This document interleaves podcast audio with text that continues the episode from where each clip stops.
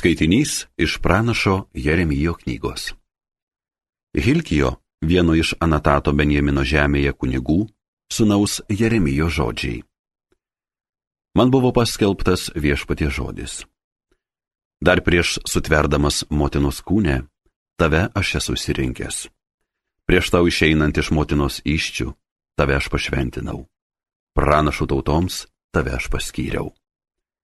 Tuomet aš tariau, Ak, mano viešpatė ir mano dieve, juk aš dar nemoku kalbėti, aš dar per jaunas. Bet viešpats man tarė, nesakyk, aš dar per jaunas. Kur tik tave aš pasiūsiu, tu eisi. Ir ką tau pavesiu, tu skelbsi. Tu jų nebijok, nes aš su tavim ir tau padėsiu. Tai viešpatie žodis. Ir viešpats ištiesė savo ranką, palėtė mano lūpas ir tarė aš įdedu į tavo lūpą savo žodžius.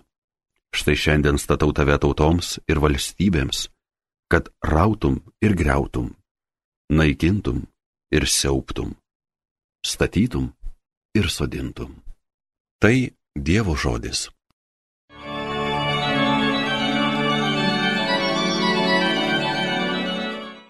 Šlovins mano burna viešpatie tavo pagalba tavo prieglopstin viešpatė bėgu, ir nieko met man neteks kaisti iš gėdos. Kaip teisingas esi, trauk mane, gelbėk, kreipk į mane savo ausį, vaduoki. Šlovins mano burna viešpatie tavo pagalba. Tu būk man uola prisiglausti, gelbėtis galinga tvirtovė. Tikrai, tu mano uola ir mano tvirtovė gelbėk, o Dieve mane, nuo nedorelio rankos, šlovins mano burna viešpatie tavo pagalba. Tu Dieve man ramstis, tavim aš viliuosi nuo pat savo jaunystės, nuo pat užgimimo mane tu globojai, buvai mano sargas nuo pat kūdikystės, šlovins mano burna viešpatie tavo pagalba. Šlovins mano burna tavo teisybę, tavo pagalba per visą dieną. Kaip mokiai Dieve, mane nuo jaunystės, skelbiu likščiol tavo nuostabius darbus, šlovins mano burna viešpatie tavo pagalba. Alleluja, alleluja, alleluja. Sėkla tai Dievo žodis sėjėjas Kristus, kas jį susiranda, bus gyvas per amžius. Alleluja, alleluja, alleluja.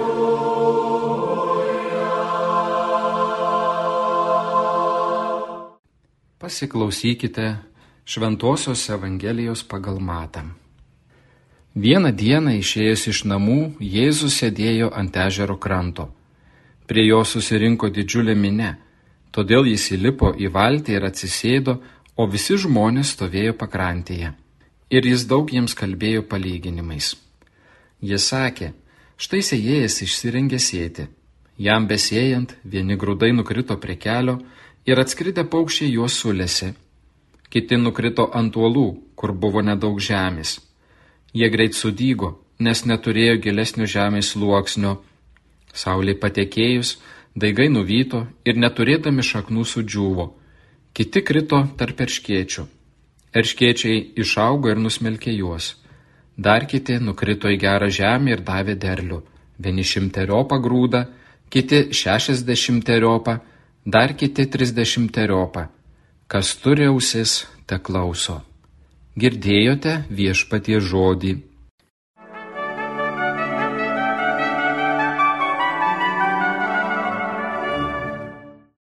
Brangus broliai seserys Marijos radio klausytojai, dieviškoji išmintis pasiekė žmogaus protą ir širdį.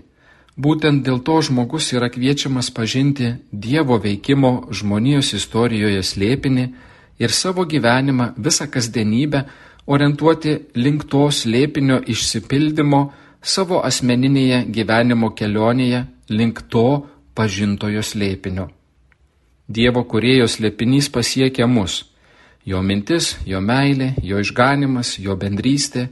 Jėzus, Dievo sūnus, įsikūnijo, kad mus pamaitintų Dievo žodžiu, kad mus suvienytų aplink save, kad mus nukreiptų gerosios naujienos keliu. Šiandien evangelinis pasakojimas mums yra liudijimu to susitikimo tarp dieviškosios išminties ir žmogiškojo asmens. Tai, ką dieviškoji išmintis mums šiandien siūlo, gali būti palyginama su grūdais, beriamais dirvon. Jėzaus žodis yra gyvas ir skirtas įleisti šaknis geron dirvon, mūsų širdin. Kitaip neįsišaknys ir negalės atnešti gerų vaisių.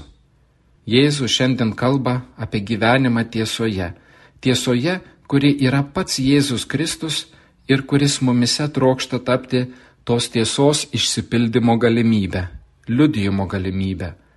Tačiau girdime ir aiškius pavojus, kylančius žmogui tikėjimo kelionės metu.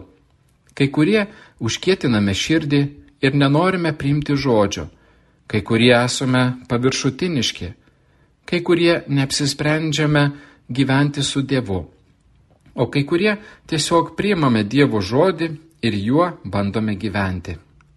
Jėzus Evangelijoje sėdi, kaip koks rabinas mokytojas. Sėdi, nes geba mokyti, nes nori tikslingai nukreipti, nes žino, kur reikia nukreipti. O juk sėdėjimas Biblijoje autoritetingumo ženklas.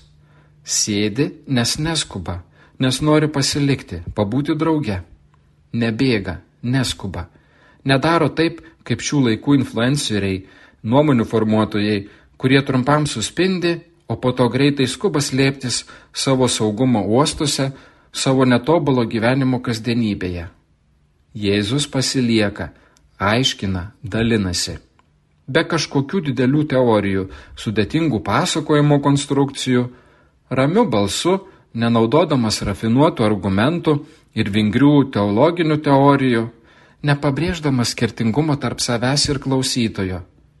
Jis nepanaudoja visų savo žinojimo išteklių, naudoja paprastą, kasdienę, visiems suprantamą kalbą, kuri suvokiama kiekvienam, naudoja palyginimus.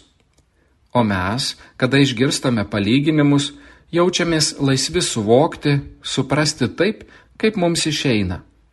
Tačiau galime ir iki pat palyginimo gelmės nukeliauti ir pasiekti tą suvokimo lygmenį, link kurio mus Jėzus kreipia.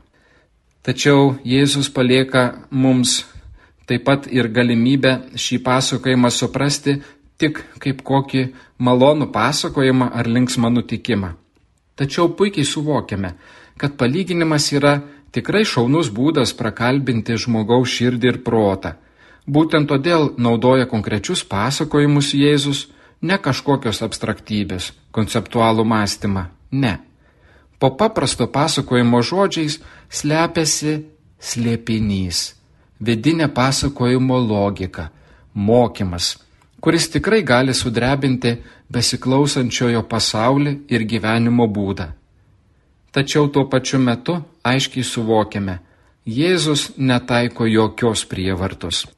Jeigu jis būtų papriekaištavęs, kad blogai išgirdote palyginimą, blogai klausotės Dievo žodžio, esate nepajėgus, tikrai numuštų upą stengtis klausytis, gal net įskaudintų savo klausytoją.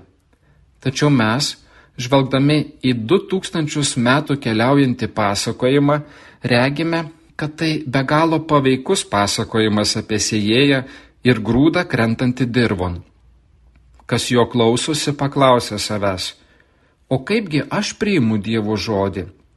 Kaip aš leidžiu Dievui sėti gerąją naujieną savo širdyje? Galiu šioje akimirkoje savęs paklausti, o kas trukdo man klausytis, pažinti, priimti Dievo žodį? Prisimenu vieną pasakojimą. Viena šeima nukeliavo į cirką. Kadangi atvyko gerokai anksčiau prieš pasirodymą nuėjo apžiūrėti gyvūnėlių, kurie vėliau programos metu turėjo atlikti įspūdingus pasirodymus. Jų tarpe buvo ir didžiulis dramblys. Berniukas, šeimos vaikas, labai nustebo pamatęs, jog dramblys buvo labai plona virvele pririštas prie smulkaus polio. Jis prižiūrėtojo paklausė, kodėl pastarasis nepabėga. Vaikeli, atsakė jis, jis tikrai bandė. Drambliai, kada būna maži, tokiu pačiu būdu būna prirašami. Ilgą laiką ir visomis jėgomis bando išsivaduoti, tačiau būdami maži neįstengia to padaryti. Tada jie pasiduoda, susitaiko su padėtimi. Drambliai turi puikią atmintį. Jie niekada neužmiršta, kad tai buvo neįmanoma. Būtent dėl to jie niekada nebando vėl išsilaisvinti. Pamastykime šiandien, kas mums neleidžia išsilaisvinti, kas mums neleidžia išgirsti, klausytis, priimti Dievo žodžio ir pagal jį gyventi. Leiskime Jėzaus palyginimo grūdams kristi į derlingą mūsų širdies dirbą. Amen. Garbė Jėzui Kristui.